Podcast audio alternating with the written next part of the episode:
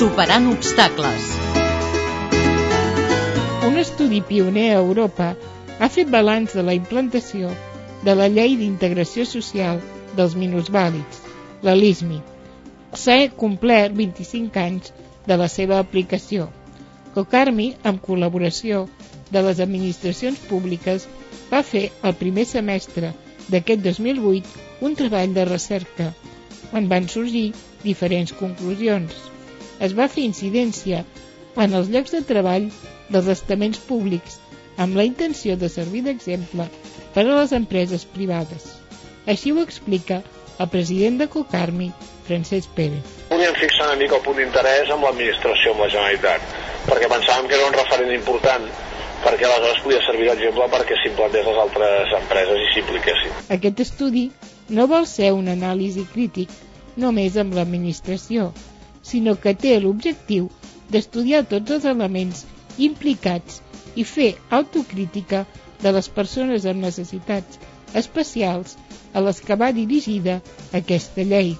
Pérez ho exposa.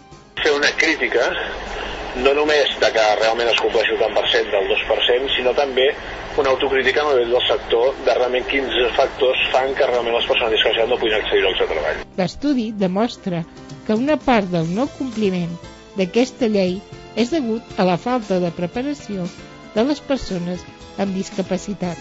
Així ens ho confirma Francesc Pérez. L'estudi ens ha constatat que realment hi ha una baixa formació, de que els índexs de estudis de secundària, estudis de primària, les persones amb discapacitat tenen una indicació molt més de fracàs que les persones normals, entre cometes. Ara es vol implicar a totes les parts per reconduir les polítiques d'inserció i buscar fórmules entre les que hi hauria una major preparació dels discapacitats, més informació de la convocatòria de llocs de treball a l'empresa pública, així com l'adaptació d'aquestes proves.